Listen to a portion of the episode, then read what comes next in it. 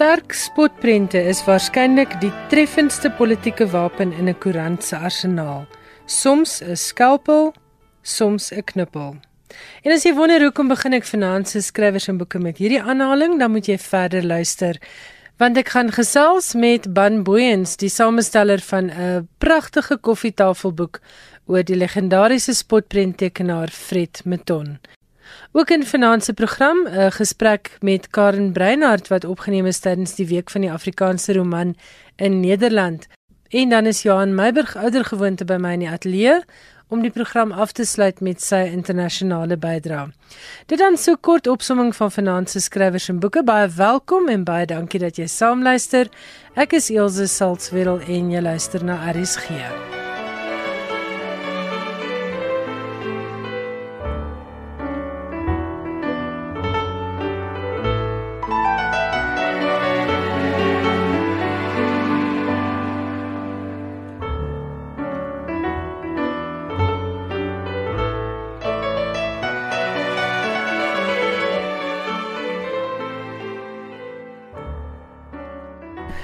Ek gesels vanaand met Ban Booyens. Ban is in ons Kaapstad se ateljee. Ban, baie welkom. Ek gesels met jou hier uit Auckland Park. Baie dankie dat jy die moeite gedoen het om ateljee toe te gaan. Lekker om hier te wees, Ilse. Dankie vir die geleentheid. Ons praat oor 'n baie baie besonderse boek en ek dink dit is 'n wonderlike Kersgeskenk. Uh veral dink ek vir daai man in jou lewe van vir wie jy nie eintlik weet wat om te gee nie. As hy in Suid-Afrika belangstel of in Suid-Afrika se geskiedenis, dan is 50 jaar met Fred, Fred Meton se beste spotprente, die heel beste Kersgeskenk waaraan ek op hierdie stadium kan dink. Maar Bunny, jy is die samesteller. Jy het uh jy was ook vir baie lank Fred se redakteur in jou tyd by die Burger en natuurlik het hy ook vir weggeteken as ek reg is. Dis reg. Ek het 3 keer saam met hom gewerk. Ek was 3 maal by die Burger en dan by Weg ook daarna en hy het ook geteken van Landbou Weekblad en vir wegtydskrif soos wat jy gesê het. En oor die jare, sê maar 'n tydperk van 20 jaar, het ek vir Fred beleef eers as 'n junior joernalis, later as deel van die bestuurspan. En ek het net toenemend gefassineer geraak met hierdie stil man wat amper ek sê altyd is amper so Simon Garfunkel in die sin dat jy dink nie hulle het Bridge over Troubled Water geskryf nie. Uh dit was net altyd daar. Nou Fred is so hy skep hierdie absolute akkurate spotprente en jy dink nie eintlik hoe dit skep nie. En toe ek nou klaar gemaak het by die koerant in 2016, het ek net gedink ons kan nie bekostig dat hierdie sketse verlore gaan soos wat van met die vorige prente van die burger gebeur het nie en toe het ek maar die goed so begin bymekaar maak. So dit is 'n redelike tydjie wat jy gebruik het om te besluit wat gaan in hierdie boek en wat wat moet bly. En vir die luisteraars so onthaalwe wil ek sê saam met elke skets is daar ook 'n klein paragraafie met inligting. Daar's 'n motivering as dit ware vir elke skets en 'n stukkie storie rondom elke skets. Hoe kies mense skets vir 'n boek soos hierdie? Dis my eerste vraag rondom hierdie bundel. Die maklike antwoord gaan wees 'n goeie skets kies homself. Daar is baie sketse wat jy net eenvoudig nie kan uitlaat nie. Maar dan het, het, het ek gekyk, kyk die politiek het ook baie verander oor die afgelope 50 jaar. En ek het ek het 'n boek gelees van Ken Vernon Penpricks wat hy gekyk het na die Suid-Afrikaanse spotprentkuns. En daar byvoorbeeld het hy net dit beoordeel op grond van doen hierdie prent wat hy moet doen, ongeag die ideologie agter dit. En dit beteken dat 'n komplekse situasie moet absoluut eenvoudig uitgebeeld word dat iemand wat selfs nie die koerant volledig lees nie moet presies verstaan wat aangaan. Hulle kan nie twyfel wie is op die prent nie die persoon moet tegnies reg geskets wees. En dan moet dit jou of kwaad maak of laat lag maar niks tussenin nie want dan is dit nie 'n goeie spotprent nie. So dis miskien die die belangrikste kriteria hoe jy by dit uitkom is dikwels moeilik want soms moet jy iets vat en koppel aan iets anders. Jy moet 'n 'n politikus wat slaag kry, moet jy vergelyk met 'n sportspan wat slaag kry of jy moet aantoon hoe iets sê maar in die eh, eh, in iemand se huis afspeel. En ek het maar probeer op 'n manier jy het heel in die begin nou die woord geskiedenis gebruik om so effens die die verhaal te behou want dis 'n merkwaardige dokument en as ek dit net so kan stel 'n koerant het sê maar 100 berigte in elke dag en jy kan al die nuances en die klein goedjies saamvat Maar 'n spotprent elke dag is net een ding. Jy moet te midde van die hele sirkus en die geroesemoes moet jy gaan en sê wat is hierdie een ding wat uitstaan en dan dit teken. En die gevolg daarvan is jy het ook nou nou swaalf gesê van die die verklarende paragraafie wat by elkeen is. Ilse dis merkwaardig hoeveel van hierdie spotprente kyk jy na en jy het geen benul waaroor dit gaan nie. Dit was 'n politikus wat aangeklam was op 'n vliegtyg. Of dit is 'n klein insident iewers op die platteland of dis droog of dis nat of die ekonomie doen iets. So dit het nogal naspeurwerk gevat om te gaan uitvind wat presies het aangegaan en daar's nou nog sekere dosynprente wat ek geen benul het uh wat die betrokke insident was nie. Vra jy dan nou vir Fred in so 'n geval? Fred se respons is interessant Ilse in die sin dat hy sê hy hy kan hy onthou prente op grond van of hy gehou het daarvan om dit te teken of nie. En dit sal waarskynlik die hart van spotprentkuns is dat Fred is 'n baie stil en inskikkelike mens. Weet hy sal nie mense teëgaan en en en stof opskop nie maar hy sal nie iets teken wat hy nie wil teken nie. En die die kere wat ek hom gefrustreerd gesien het in die drie kere wat ek by die burger was was dat iemand dink dit wat hy moet teken is 'n grappie 'n woordgrappie. En die, mm. die en die kuns van spotprint is voor jy aan woorde kan dink moet dit iets wees wat jy visueel kan uitbeeld. Jy moet 'n politikus hê wat 'n groot snor het of hy jy moet 'n swak beleid hê wat 'n meelsteen om sy nek is of jy moet sê die ekonomie is 'n skip wat jy nie omgedraai kry nie of wat ook al was.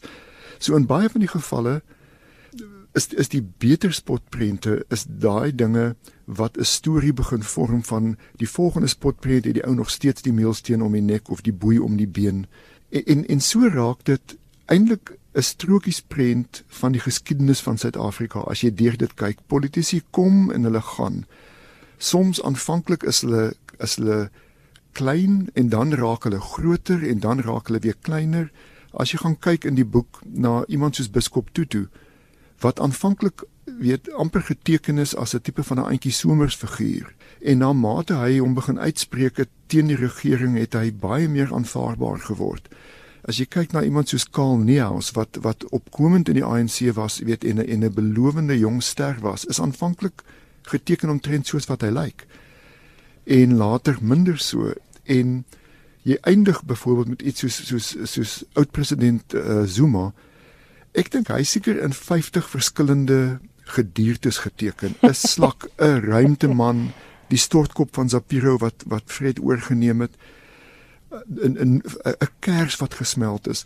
So in daai opsig is dit um, in baie opsigte Ilse vir my wat interessant was wat ek na die tyd gekyk en gesê het, okay, dit het ek nie raak gesien terwyl ek op kantoor was nie.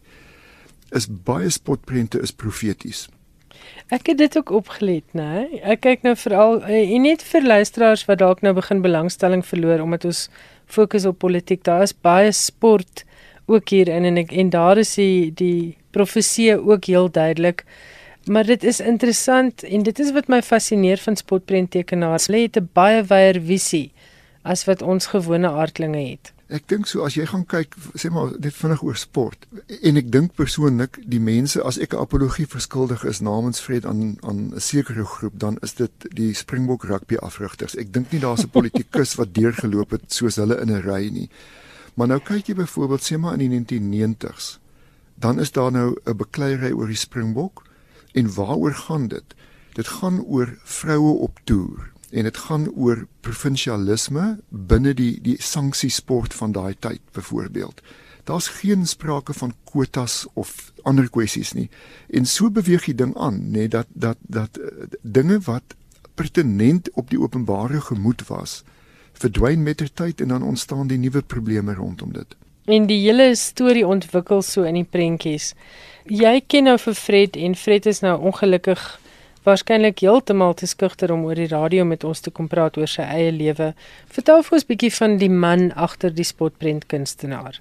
Ek lees in die voorwoord jy het hom in 1976 uh, die eerste keer gesien toe jy in standaard 9 was en op 'n toer geneem is van die burger in Keromstraat. Nou jou eerste indrukke was is die tye wat jy saam met hom gewerk het. eerste indrukke is dat sy lesenaar lyk vandag nog soos wat dit gelyk het in 1976. Daar is nie 'n spoor van enigiets digitaals op sy lesenaar nie. Regtig? Dis amper ilse 'n middeleeuse dis is hulle sê alchemy, alchemiese uh, uh, uh, opset daarso met Dis amper soos die ou barbiers wat ek as 'n kind geken het, nee, met sulke ja. botteltjies en flessies in die kamme wat instaan. So dit is dis kladpapier en dis kwassies en dis penne met verskillende punte. Ehm um, sy jy het gesê daar was ink op sy lesenaar en glasies water. Alreeds sulke goed uh, dinge. Fred dink ek was die heel laaste persoon in Naspers wat nie e-pos gehad het nie. Dat ehm um, en dis 'n waar storie dat toe hy moes aftree kon hulle hom nie opspoor nie. Hulle het, hulle het eendag vir my kom vra op die kantoor, ken ek 'n Frederik en ek weet nie wat sy tweede kan nie onthou wat sy tweede naam is nie, Meton wat hy werk. Toe sê ek nie daar is nie so iemand nie want almal ken hom nou net as Fred. en hulle het weggegaan en teruggekom later en 'n mens het begrip daarvoor Fred hou daarvan om onversteurd te teken. Hy's hy gesels lekker, hy braai elke aand, maar wanneer hy werk, werk hy en hy het sy kantoor gaan sit aan die agterkant van die ou burger se ou donker kamer, se fotografie donker kamer. Met ander woorde, jy moes deur 'n pakkamer stap met geen vensters en twee deure en dan jy by sy kantoor uitgekom. En ek onthou dit om weer eendag kom soek en iemand het net gesê nee, maar stap net in die gang af heel laaste deur links en toe hulle die donker pakkamer deur oopgemaak en toegemaak en toe weer weggegaan onverrigter sake. En gedink so, hy is klaar weg. Ek dink nie ek dink jy het geweet wie hy spesifiek is nie, maar hy het geswat op die Kaapse Technikon. Hy het begin by die burger se advertensie as afdeling as iemand wat blaaie moet uitmerk en 'n wonderlike renessans man by die burger Victor Holloway het hom raak gesien. Victor was glo dit as jy wil, hy was die sportredakteur en hy het oorgeneem by die vermaarde WEG Lou as kunsredakteur. Hy daai daai sprong gemaak en dit was die, dit was die die rykwyte van sy talent geweest en hy het vir Fred begin saamvat na konserte toe saans Loveless Watkins Percy Sledge daai mense wat in die 3 Arts opgetree het. En hy het hom gevat Koetsenburg toe waar John van Reenen en Andrius Krogman en Daniel Melan hulle gehardloop het. En daar het Fred begin teken. En hy het oorgeneem toe Theo Hannibal wat ook vir 3 4 dekades daar was afgetree en ek moet ek moet net dit pertinent sê. Die burger is uniek dat hy 'n drie spotprenttekenaars nou gehad in 105 jaar. Fred is die derde ene. So dit was Theo Hannibal en wie was voor dit? Voor dit was 'n DC Boonsaaier wat die die vader is van van Gregoire. Hy was die eerste spotprenttekenaar, 'n formidable man, uh hoogs gepolitiseer uh, in die kunskringe beweeg, uh baie krities op Langehoven. Hy het gesê Langehoven is is is oorskat. Hy en Langehoven het niks van mekaar gehou nie. En ofskoon hy eintlik in die Kaapse Engelse gemeenskap beweeg het, het Boonsaaier 'n uh, uh, ek wil dit amper 'n haat noem, hy het uit 'n 'n patologiese wantroue gehad teenoor uh, Jan Smuts en veral Louis Botha omdat hulle met die Engelse saamgewerk het. So sy spotprente was vernietigend geweest. Hulle hulle noem hom the man who killed Louis Botha. Dat met sy pen soos 'n knippel. Mhm. Mm Hannibal het hom oorgeneem as 'n amper Walt Disney-agtige persoon. Hy hy het oom Kaspaas en Adoons hulle geskep. Ja, en, is dit nie wonderlike tydlose spotprente en en Absoluut. Um, en pionierswerk. Stories, fantastiese verhale daar agter. Ja, en en en laat ek dit dan so stel, Fred moes oorneem, weet in die skadu van hierdie formidable mense, maar nie net dit nie. Hy moes hulle karakters oorneem. Sir de Villiers Graaf met sy groot snor wat die leier van die oppositie was, is op 'n bepaalde manier geteken en Hannibal het hom geteken met 'n baie groot snor op grond van sy skoolhoof op Stellenbosch Paul Roos. Hannibal se se se De Villiers graaf was eintlik Paul Roos die rugby speler gewees. En Fred moes hierdie karakters oorneem en jy kan sien sy aanvanklike tekeninge is effens versigtig omdat hy moes die spook weet van van Hannibal en Boonsaaier moes hy saam met hom dra aanvanklik. En as ek as ek na sy sketse kyk, het die oorgang gekom toe Fred oorgeslaan het van 'n 'n pen na 'n kwassie toe aanvanklik was die drukwerk by die koerant nie fyn genoeg weet om grys skaal te dra nie. Dit was wit of swart wat jy moes mm. gedra het. En toe die drukwerk verbeter kon kon Fred oorslaan na kwassie toe en toe hy 'n baie meer vloeiende genuanceerde styl ontwikkel. Sit so, teen wanneer was dit omtrent in die 80s dit was die laat 70s was dit gewees En dan wissel sy styl Ilse saam met die redakteur en weer eens weet dink vir 'n oomblik daaroor. Die burger het in sy hele geskiedenis nog net 10 redakteurs gehad en Fred het onder sewe van hulle gewerk. Sure. En elkeen van hulle het nog hulle eie baie sterk menings gehad. So die een persoon het sê maar gehou van kampanjes. As daar 'n munisipale verkiesing is, dan het hy vir 3 weke, vir 'n maand aangegaan met dieselfde tema en dan aanbeweeg. En ander mense het heeltemal anders opgetree want uh skielik het die burger in 1994-95 weer 'n oppositiekoerant geword vir die eerste keer in 40 jaar. En daar kan jy sien dit Fred weer tot sy reg gekom as ek as ek met een les uitstap uit hierdie uit hierdie boek uit dan is dit dat dat spotprente werk eenvoudig die beste vanuit 'n op oppositie oogpunt. En so het sy styl ontwikkel. Ilse weet jy kan sien, ek het al van hom gespot dat hy raak moeg vir sy eie handskrif en dan verander sy handskrif weet van jaar tot jaar op 'n manier. Maar hy val terug op die mense wat hy ken. As jy kyk na Zapiro hulle, hy hy teken die naakte politiek. Fred teken hoe raak die politiek gewone mense mm. en hoe raak dit sport met ander woorde jy sal by hom kry huishoudelike tonele 'n hond op die mat 'n herkenbare voertuig 'n voertuigmodel 'n merk 3 van 1978 'n spesifieke model motor sal jy sien en onthou hy het begin teken voor televisie was en en die aanvanklike televisiestelle daai grootes met die haasoortjies en dan verdwyn dit. Ja, en en die hele familie sit ingeryg want dit is hoe ons televisie gekyk het. Dit was 'n dit was 'n geleentheid. Ses uur het almal voor die televisie gesit. Maar as jy nou kyk byvoorbeeld hoe daai tonele uitgebeeld word, dan sal 3 van die 6 mense met 'n selfoon voor hulle ja, sit en ja. en jy kan kyk op die ou huishoudelike spotprente van hom uh lê die tiener agter in die hoek op op haar rug met die met die huistelefoon en praat ja. in die agtergrond. So in in daai opsig is dit ook 'n visuele geskiedenis van hoe Suid-Afrika ontwikkel het. Weet hoe hoe tegnologie verander het. Daai goed was my baie interessant om te sien en dis miskien hoekom die boek so lank gevat het om te doen. En vertel vir ons van die muise, want dit is so half sy handtekening, die addisionele ekstra klein spotprentjie binne in die spotprent. Dis baie uniek eintlik. Ek weet nie van baie sportprenttekenaars wat dit doen nie. Toe Fred se seun gebore is en nou min of meer weet begin mens word, het, het hy vir hom die muis geteken sodat sy seun by die huis kon sien wat doen sy pa basies. So die muis was aanvanklik daar gewees met huiwering toegelaat deur die destydse redakteur Piet Silje wat wat uh selfspotprentjies geteken het en dan vir Fred gegee het om te sê okay so moet dit lyk. Hmm. So uh, en op voorwaarde is die muise geteken dat hulle mag nie praat nie. En in 1978 toe sal jy aftree en Wits Bekes redakteur word in daai oorgang van 'n paar dae het Freddie Muis laat begin praat. En jy sien op dit Ilse eintlik dat dat as ek moet sê wat is Fred se verborgde talent, dan is dit sy woordvaardigheid.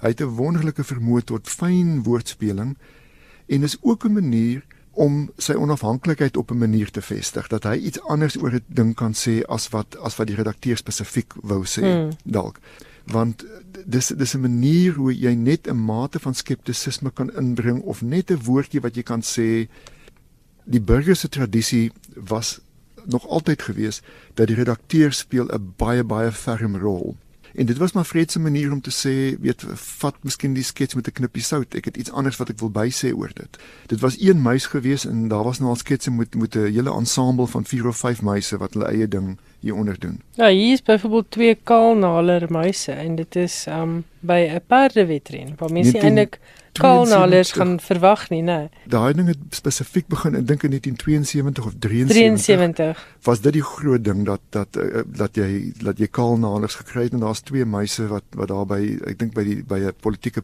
perdewedren ja. wat, wat ook daar rondhardloop. Ja, en en weet jy wat was my ook interessant hoe die uh, oppositiepolitici uitgebeeld is byvoorbeeld van Sel Slabbert wat regtig waar karikatuuragtig uitgebeeld is aan die begin en dan later definitief 'n beter prentjie gekry het soos wat hy sy klere verdien het, né? Absoluut. Hy, hy hy is geteken as Superman. Ja. Wat nou 'n Superman is maar met met 'n 'n oorpakkie wat te groot is vir hom. Ja. Ehm um, En hy moet nog in dit groei want hy was bitter jonk toe as as politikus begin werk het, né? Hy, hy was baie baie jonk het hy oorgevat by Colin Eglin in daai stadium en ek dink ek het in die boek dit genoem dat Colin Eglin was die enigste politikus wat ooit regstreeks teenoor Fred gekla het oor oor hoe hy uitgebeeld word. Regtig? Eglin het, het gesê dat hy of hy het vir Fred gebel en gesê dat hy wat Eglin is, hy was nou op 'n dieet gewees en hy het baie gewig verloor.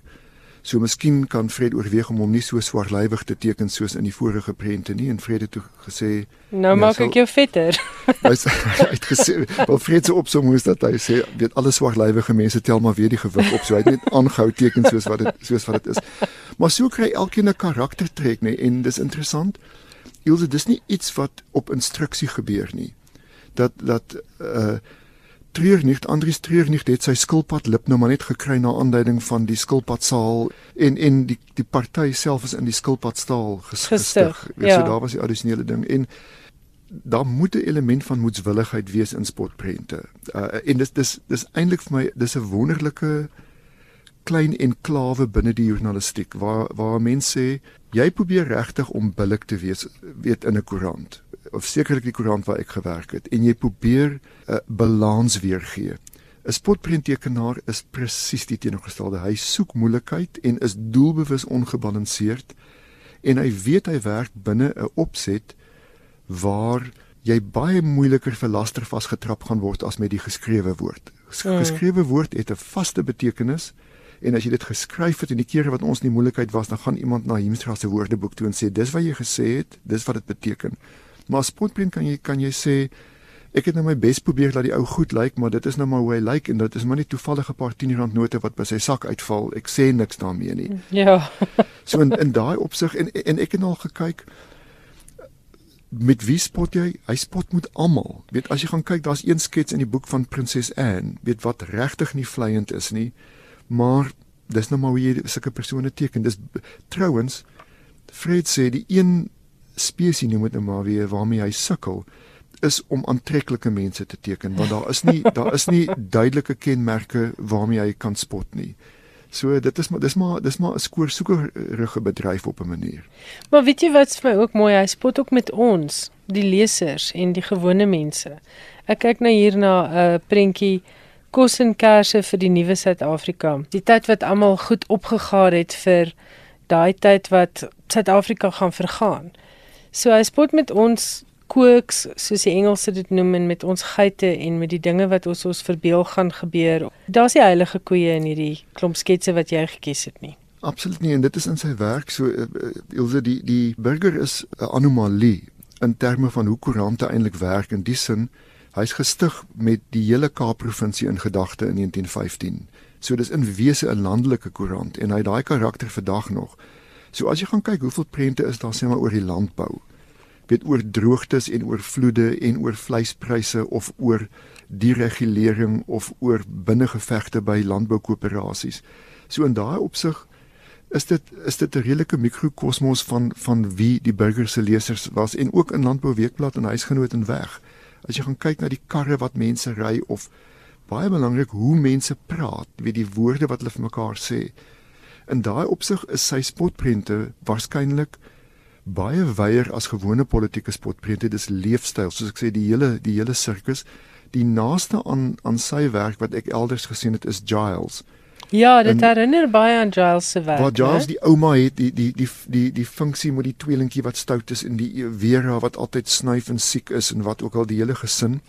Maar met die uitsondering snaaks Fred is bereid om omtrent enige iets te teken hy hou nie daarvan om dieselfde persoon twee keer te teken nie. En en soggens ek ek onthou hom waar hy sit en uh, ons sê altyd soos in siener in die suburbs weet dat sy vision vat. As ons iets in die gesprek uitkom wat lyk of hy dit kan teken, dan begin teken hy op die op die koerant se voorblad klein gesiggies van hoe kan die omstanders lyk by hierdie toneel.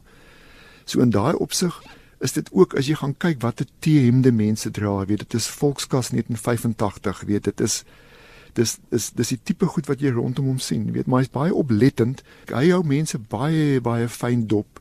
As jy nou kyk, as hy nou 'n student teken, dan lyk dit anderste. Student nou het 'n skateboard onder die arm, 'n skaatsplank wat hulle mm, daai tyd mm. nie nie gehad het nie.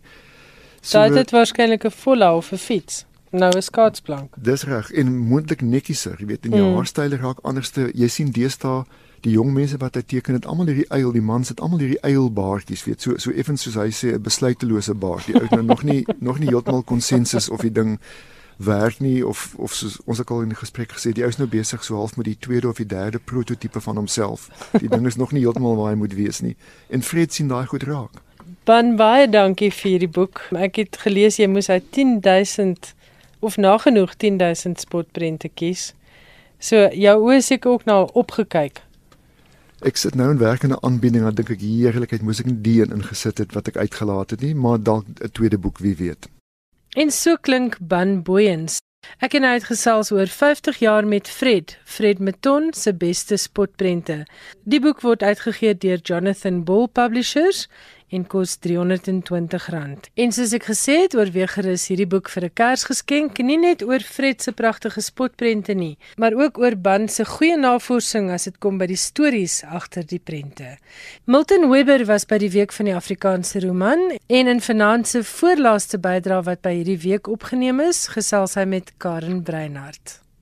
Ons is hier aan die einde van die week van die Afrikaanse roman in Nederland. Karen is natuurlik die wenner van die Universiteit van Johannesburg se debuutprys vir skepende skryfwerk, die Mnet toekenning vir letterkunde, die ATKV prosa prys en meer onlangs het haar Engelse vertaling van haar boek Plaasmoord op die kortlys verskyn van die gesogte Crime Writers Association International Dagger toekennings. Karen, kan jy vir ons vertel wat was van die hoogtepunte wat jy die afgelope week hier ervaar het? Elke dag was vir my omtrent 'n hoogtepunt omdat die dae so uiteenlopend was. Ons het baie selde het ons uh, dieselfde soort ervaring gehad. Dit was elke dag teen 'n ander agtergrond. Soms was dit regtig soort van kakebeen op die grond sleep interessant. So 'n soort van 'n ervaring was vir my maandag met die uitnodiging wat ons gehad het om kuratore by die uh, Ryksmuseum te ontmoet waar hulle besig is om voorbereidings te tref vir 'n ontsettende groot tentoonstelling wat in September presies oor 'n jaar van nou af geopen word wat gaan oor die slawerny. Dit probeer naspeur die spore wat in slawerny wat groot Nederlandse maatskappye van die 17de eeu in die res van die wêreld gelaat het en die uitwerking van die slawerny op die op die gebiede en ons kon 'n kykie agter die skerms kry en gesprekke voer met die kurators van die uitstalling en dit was nogal vir my 'n besonderse voorreg geweest. Maar in terme van die afgelope week was dit dit was fantasties om in Vlaandere ook te wees en spesifiek by die Vlaamse Taalunie waar ons donderdag aand was en dit was heerlik om ook met Vlaamse kunstenaars die Vlaamse digterles Vaderlands het saam met ons daar opgetree uh, Els Moors wat 'n fantastiese digteres is. En so dit was dit was vreeslik interessant om ook die vermengeling te kon hê met ander kunstenaars uit die lae lande. En dit was natuurlik donderdag die dag wat die veeltaaligheid van Europa gevier is. Interessant dat ons by die Vlaamse taal en juis op die dag kon wees en dit ons oor taal en die viering van taal kon praat. Dit was my veral interessant om Dinsdag 'n vertaal flipskool te kon meemaak. Dit is 'n stuk of ek weet nie of dit 7 of 8 uh, eh, vertalers wat van Afrikaans na Nederlands vertaal. Mense wat al vertaal het van Karel Skooman deur tot by Dion Meyer het my 'n klein bietjie van 'n inkyk gegee op die moeilike vertaalproses tussen Afrikaans en Nederlands. Nou een van jou boeke is uh, reeds in Nederlands vertaal. Jy het nou eerstens aanvaar hierdie week hoe die publiek jou misdaadromans geniet. Hoe het jy dit ervaar? Ek was verbaas met hoeveel entoesiasme daar is vir Afrikaans. Ons laaste aand was in Soest van die kabaretkunstenaar Herman van Veen en en dit was 'n gehoor wat baie van die mense kan nie Afrikaans praat of so nie, maar hulle tog 'n vreeslike belangstelling in die taal en van die mense het het gesê dat hulle my boeke in Afrikaans lees. Hulle verkies dit om dit in Afrikaans te lees want hulle vind die taal so bekoorlik. Suid-Afrika is nou ongelukkig bekend as 'n misdaadland. Mm. Dit maak dit natuurlik nou vir iemand soos jy wat misdaadromans mm. skryf 'n geweldige voordeel, maar jy is natuurlik nou ook 'n gesoute joernalis. Dink jy daar is 'n verskil in die manier in die misdaad wat sê maar in die apartheidsjare gepleeg is en waaroor daar verslag gedoen is en vandag? Daar's natuurlik 'n verskil tussen die misdaad van voor apartheid en post apartheid. Die voor apartheid misdaad in die in die algemeen as daar gepraat word van misdaad, verwys dit meer na die politieke misdaad wat toe eintlik die boottoon gevoer het as dit gegaan het oor oor nuus en wat ook neerslag gevind het dan in in die letterkunde. Post 94 het uh, dinge wat die wat die wat boeke aanbetref, het begin normaliseer. Ons kon weer begin fokus op normale misdaad. Maar in die in die algemene narratief in die land het gewone kriminaliteit die fokuspunt geword. En uh in Suid-Afrika lewe ons nogal in extreme extreme. Ja, vir 'n misdaadskrywer is dit uh, word altyd aanvaar dit is die ideale omstandighede om van uit te skryf.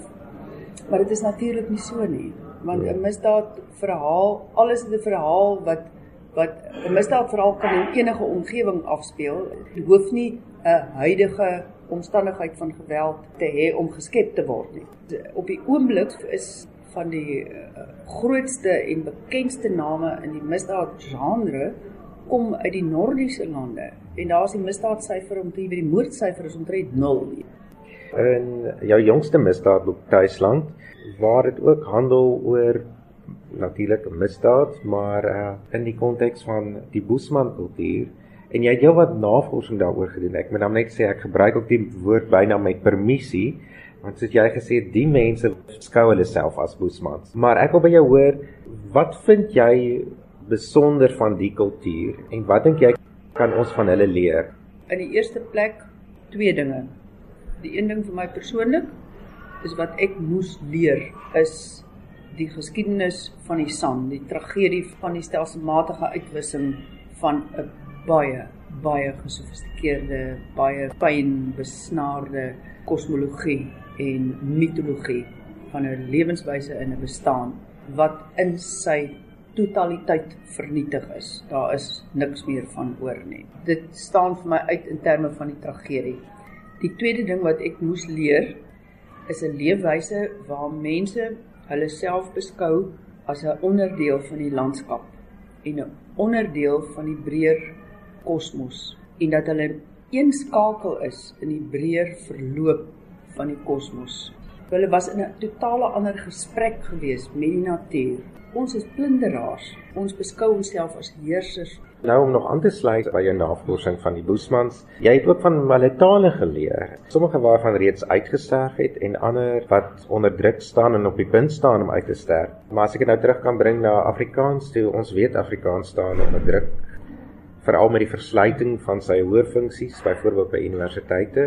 Waar sien jy Afrikaans oor die volgende 20 jaar en dink jy dit sal 'n invloed hê op die Afrikaanse leserspubliek? As jy my vroeg in die oggend vra, as ek net na 'n mooi program op RSG geluister het oor wat is die toekoms van Afrikaans, dan sal ek met 'n jodelliedjie vir jou sê dit is wonderlik.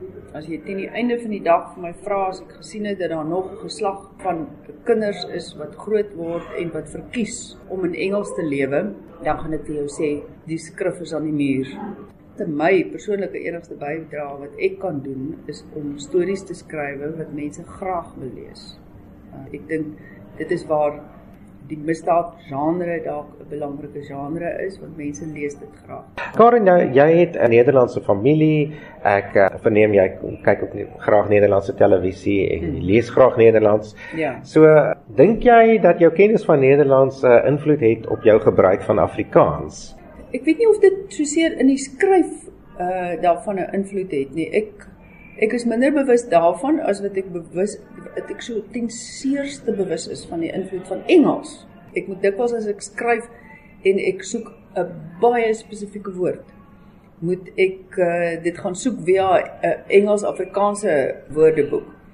Maar ek dink miskien het dit my my kennis van Nederlands het dit miskien dit makliker gemaak om sekere Afrikaanse woorde wat mense nie eintlik meer so baie gebruik nie om daai woorde weer uit te diep Mense sê baie keer die woord uh, klink nie goed as jy dit in Afrikaans sê nie. Die Engelse woord is meer aanvaarbaar. Die Engelse woord klink 'n bietjie sagter, is bietjie meer hip. En my familie sal baie keer vir my sê, "Hoekom praat jy so? So snaaks." En dan sê ek, "Maar ek gebruik die gewone Afrikaanse woorde. Ek pro ek probeer hulle nie vervang met die Engels nie, want my kennis van Nederlands het vir my gewys dat woorde is net woorde om 'n sekere woord uh, in Afrikaans uit te spreek is maar net die gebruik van 'n begrip. Ek wil dit net afsluit met een voorbeeld.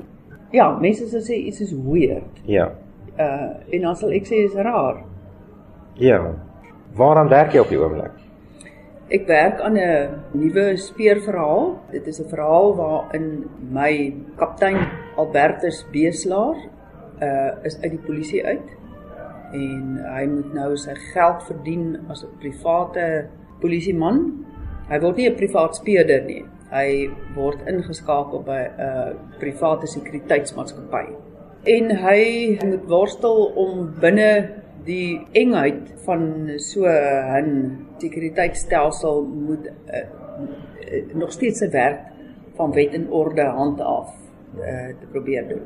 So dit word 'n interessante uitdaging vir Albertus Beeslaar. Die verhaal speel ook af in Stellenbosch en dit is 'n verhaal wat meer omgewingskwessies sal aanraak. Al my navorsing wat ek gedoen het met uh, die Komani San het my daarna toe gelei dat my volgende roman moet logischerwys kyk na omgewings. Nou ek wens jou 'n veilige terugreis na Suid-Afrika. Baie baie dankie vir jou tyd. Dit was Milton Webber en hy het gesels met Karen Breinhardt.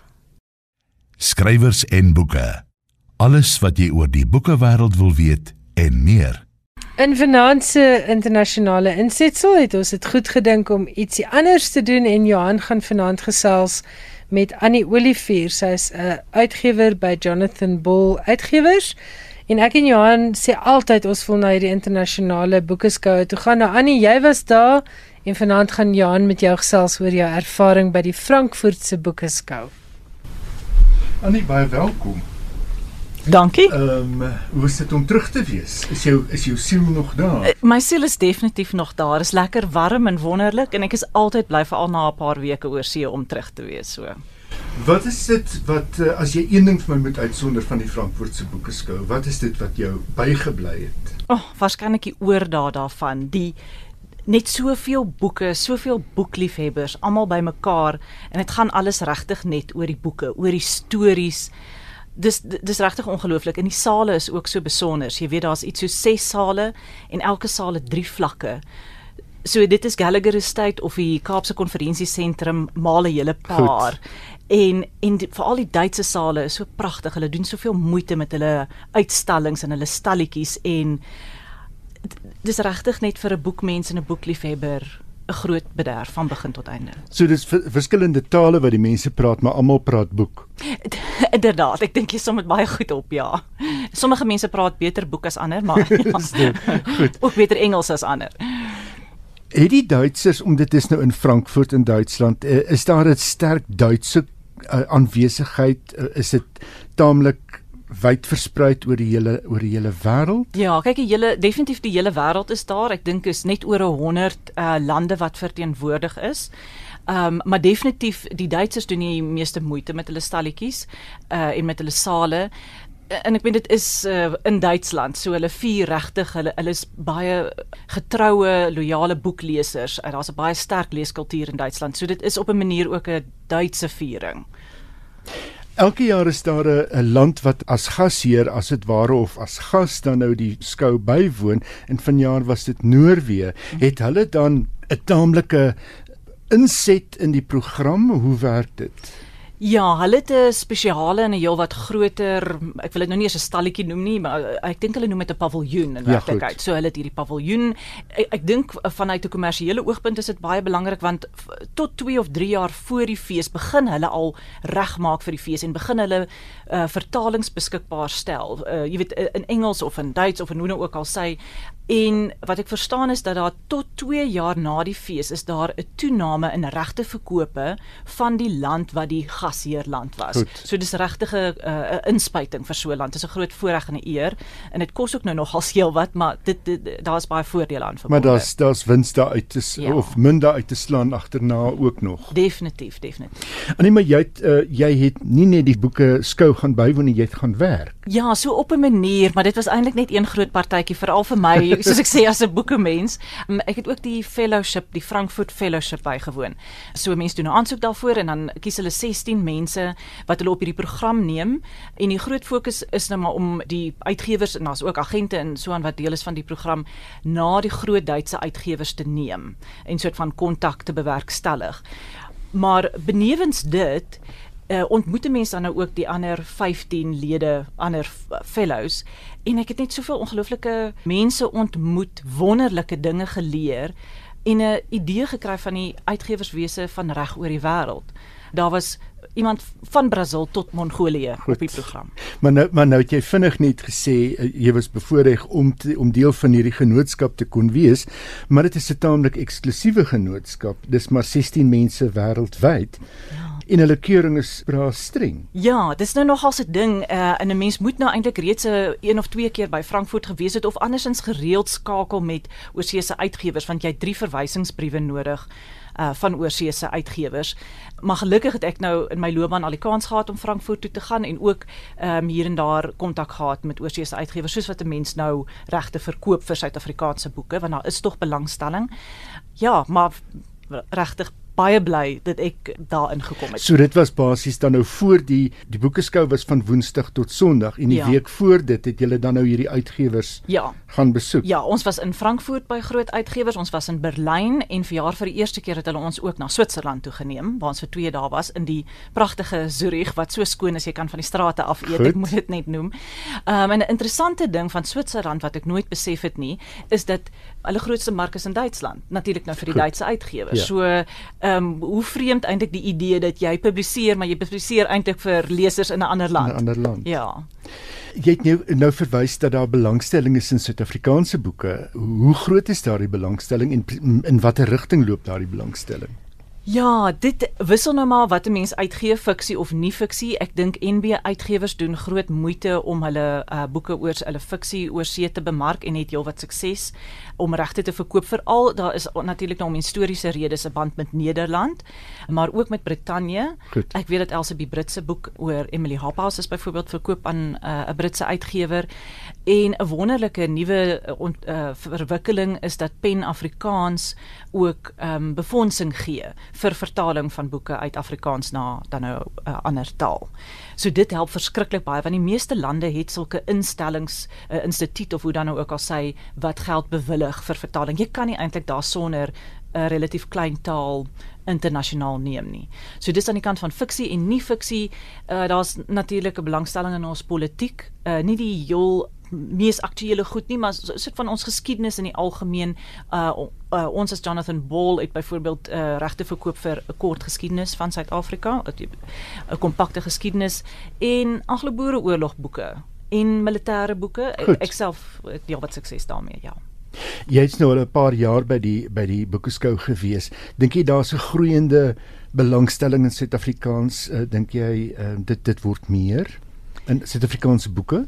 Dit is moeilik om te sê in my ervaring uh, ek was vir die eerste keer in 2014 en ek sou sê in die afgelope 5 jaar het ek nie 'n spesifieke toename Goed. gesien nie dit wissel maar so van jaar tot jaar ook in wat jou aanbod is Want dit klink vir my asof dit naamlik 'n fyn voetwerk die netwerk is wat jy moet wat jy moet bewerkstellig. ja Kom dit met die tyd saam? Hoe bewerkstellig mens netwerk met uitgewers en Ja, dis maar baie geluk en baie genade en baie harde werk, 'n kombinasie daarvan. Maar ja, dit dit is nou maar van een keer en twee keer gaan. Soms uh, praat jy lank met mense oor e-pos en dan uiteindelik ontmoet jy hulle en dit help altyd om 'n gesig by 'n naam te kan sit. Maar ja, die ontmoetings is 'n halfuur lank. Die afspraak is 'n halfuur lank.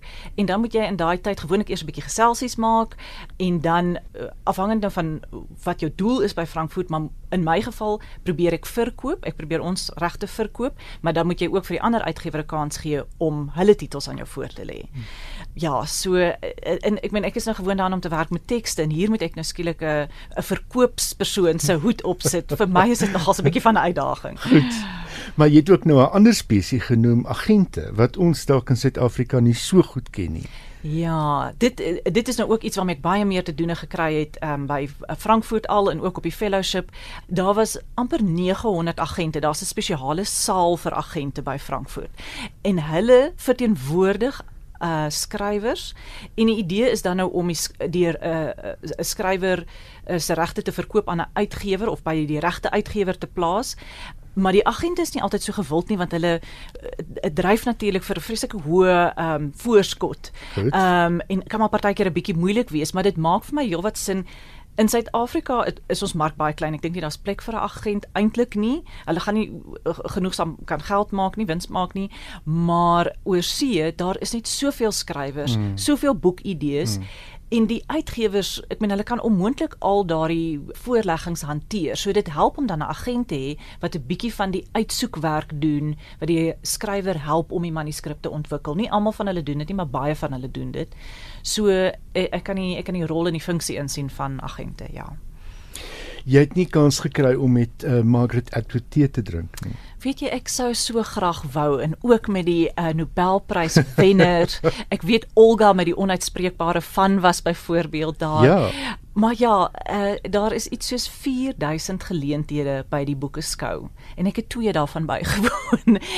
Dit is so jammer want mense is die hele tyd besig met afsprake, maar hulle bring regtig die wêreld se skrywers daarheen en as 'n lid van die publiek kan jy gaan en net gaan luister na skrywers wat praat en allerlei panele Dit is fantasties. Soos ek dit het is die skou vir uh vir die ehm um, sê maar vir die handel van op van Woensdag tot Vrydag en dan ja. die publiek kom van kom die dan, Saterdag na die Sondag. Uh, dit is nou maar meestal die Duitse sale wat die heel gewildste is en dit is so wonderlik want die Duitsers trek aan volgens 'n boekkarakter. Oorregte. Ja, nee, dit is die wonderlikste ding om te sien. Hulle is regtig so lief vir hulle boeke en is net groot pret en almal kom en die weer was goed hierdie jaar, so dit was net 'n magdom mense. Jy kon nie beweeg nie. Gee 'n bietjie 'n voorbeeld van hoe sou hulle aantrek? O, wel, ek het 'n ek weet daar's 'n Spider-Man wat ek afgeneem het en jy weet die Marvel karakters natuurlik en daar was 'n heks. Ek weet nie van watter karakter nie. Ek weet baie van die fantasieboeke ja. natuurlik wat ek nou ongelukkig nie 'n kenner van is nie. Ehm um, ja, maar nee, dit is dis interessant en hulle doen regtig moeite en hulle het 'n voorliefde vir pruike, groen en blou en pink pruike. Ja, so watter karakter ook al daarbey pas. Dis my indruk. Annie Is daar iets wat jou opgeval het uit uh, uit uit hierdie verskillende mense met wie jy te doen gehad het hierdie genote van jou wat van oor die hele wêreld kom? Ehm um, jy het ons het net nou gesê almal praat boek, maar ehm um, is daar fasette wat klemverskille Ja, dit was so wonderlik geweest. Die eerste dag van die fellowship het uh, almal 'n mark hulle uh, gepraat oor hulle eie markte, 'n markvoorlegging gedoen. Uh en daar het 'n hele paar interessante goed uitgekom. Byvoorbeeld in Brasilië, uh as jy nou uh, gefonnis is en in die gevangenis is, dan as jy 'n boek lees en 'n verslag daaroor skryf, dan kan jy 4 dae van jou vonnis afkry. Ehm um, die uh, vrou van Indië het vertel dat hulle 83 miljoen boeklesers het. Nou ek meen dis meer as wat ons bevolking is. Genigtig. Uh, dan het ek in, uh, uitgevind dat in Italië het hulle 'n skool vir boekverkopers en ook in Duitsland. So daar is minstens dan nou twee skole wat net boekverkopers oplei. Ek weet nie eens of boekverkopers enige opleiding in Suid-Afrika kry nie. Ek het dit fascinerend gevind. En dan in Mongolië is daar ook 'n ongelooflike leeskultuur, maar 37% van hulle boeke word self uitgegee. So dis 'n baie in, in Mongolië. In Mongolië. Hulle skryf dit daarin toe dat daar nie soveel uitgewers is nie is daar selfoonopvangs in Mongolië? Uh dit is skynbaar nie so goed nie want hulle verkoop ook so vreeslik baie boeke tot 3 per persoon per jaar. Per jaar. En die vrou van Mongolië het grappenderwys gesê ja maar uh, hulle is mos nou so nomadies en as hulle nou daar in die vlakte sit besig om hulle vee op te pas, dan het hulle nie selfoon ontvangs nie, moet hulle maar boek lees. En die vrou van China het vertel dat die gemiddelde oplaag by hulle is 10000 boeke. Nou by ons is dit maar 2000. So dit is ook nou nogals dramaties. En dan was dit natuurlik interessant om net ooreenkomste te sien. Ek was baie bly om te sien dat daar meer ooreenkomste is as wat daar verskille is. Byvoorbeeld dat die meeste van ons druk omtrent 2000 boeke. Ek het gedink dit is net Suid-Afrika, is 'n relatief klein mark. Klein oplaag. Ja. Ag en ons het natuurlik almal maar so dieselfde ou klagtetjies oor skrywers en 'n gesukkel om goeie uh, redigeerders te kry en vertalers te kry. Ja, en dit was ook vir my interessant dat e-boeke volgens die uh, my medegenote in in hulle land maar net so wat 5% verkoop. Dis nie 'n Dis nie 'n groot- waffer se- Dis nie 'n waffer se ding nie, ja. Wat is die gevoel oor audioboeke? Wel audioboeke is definitief die onderwerp op die oomblik. Ehm um, en daar was ook 'n 'n groot konferensie daaroor by Frankfurt. In sommige lande toon dit groot groei. In Amerika byvoorbeeld, in Swede is audioboeke baie gewild, maar dan was daar ook ander uh, lande wat wat dit nie eintlik 'n dramatiese impak het Goed. nog nie, maar dis natuurlik iets om dop te hou. En in Suid-Afrika het Audible onlangs geloods en uh, ons het ontmoet met iemand van hulle en hulle het ook gesê daar was uh, is baie goeie groei in hulle uh, aantal uh, mense wat inskryf op die diens. So ek dink is iets om dop te hou en beslis om nie te ignoreer nie. Annie baie baie dankie dat jy by ons kom kuier het uh, in die ateljee by skrywers en boeke. Um, dit was aangenaam om na jou te luister. Baie dankie vir die uitnodiging. Al wat ek kan sê is ek is sprakeloos en Johan ons moet nou begin spaar. Of ons moet van die SAIK se ehm um, se befondsing wat hulle gered het, moet ons gaan vra dat ek en jy 'n boekeskou kan bywoon. Baie dankie Annie Olivier, sy was vanaand Johan Meiburg se gas hier in sy internasionale insetsel in skrywers en boeke.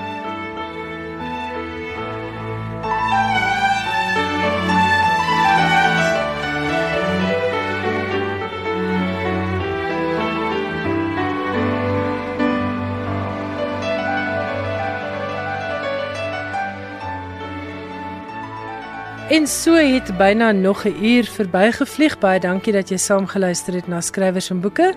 My e-posadres skrywersenboeke@rsg.co.za en die SMS-nommer in die ateljee is 45889. In volgende Woensdag aan se Skrywers en Boeke gesels ek met Johan Jack Smith oor sy uitstekende debuut Zola. So maak seker jy luister saam want ek dink nie jy wil hierdie boek misloop nie. Ek is Elsje Salzwetel en tot ons weer gesels volgende Woensdag aand. Lekker lees en lekker luister na RSG. Totsiens.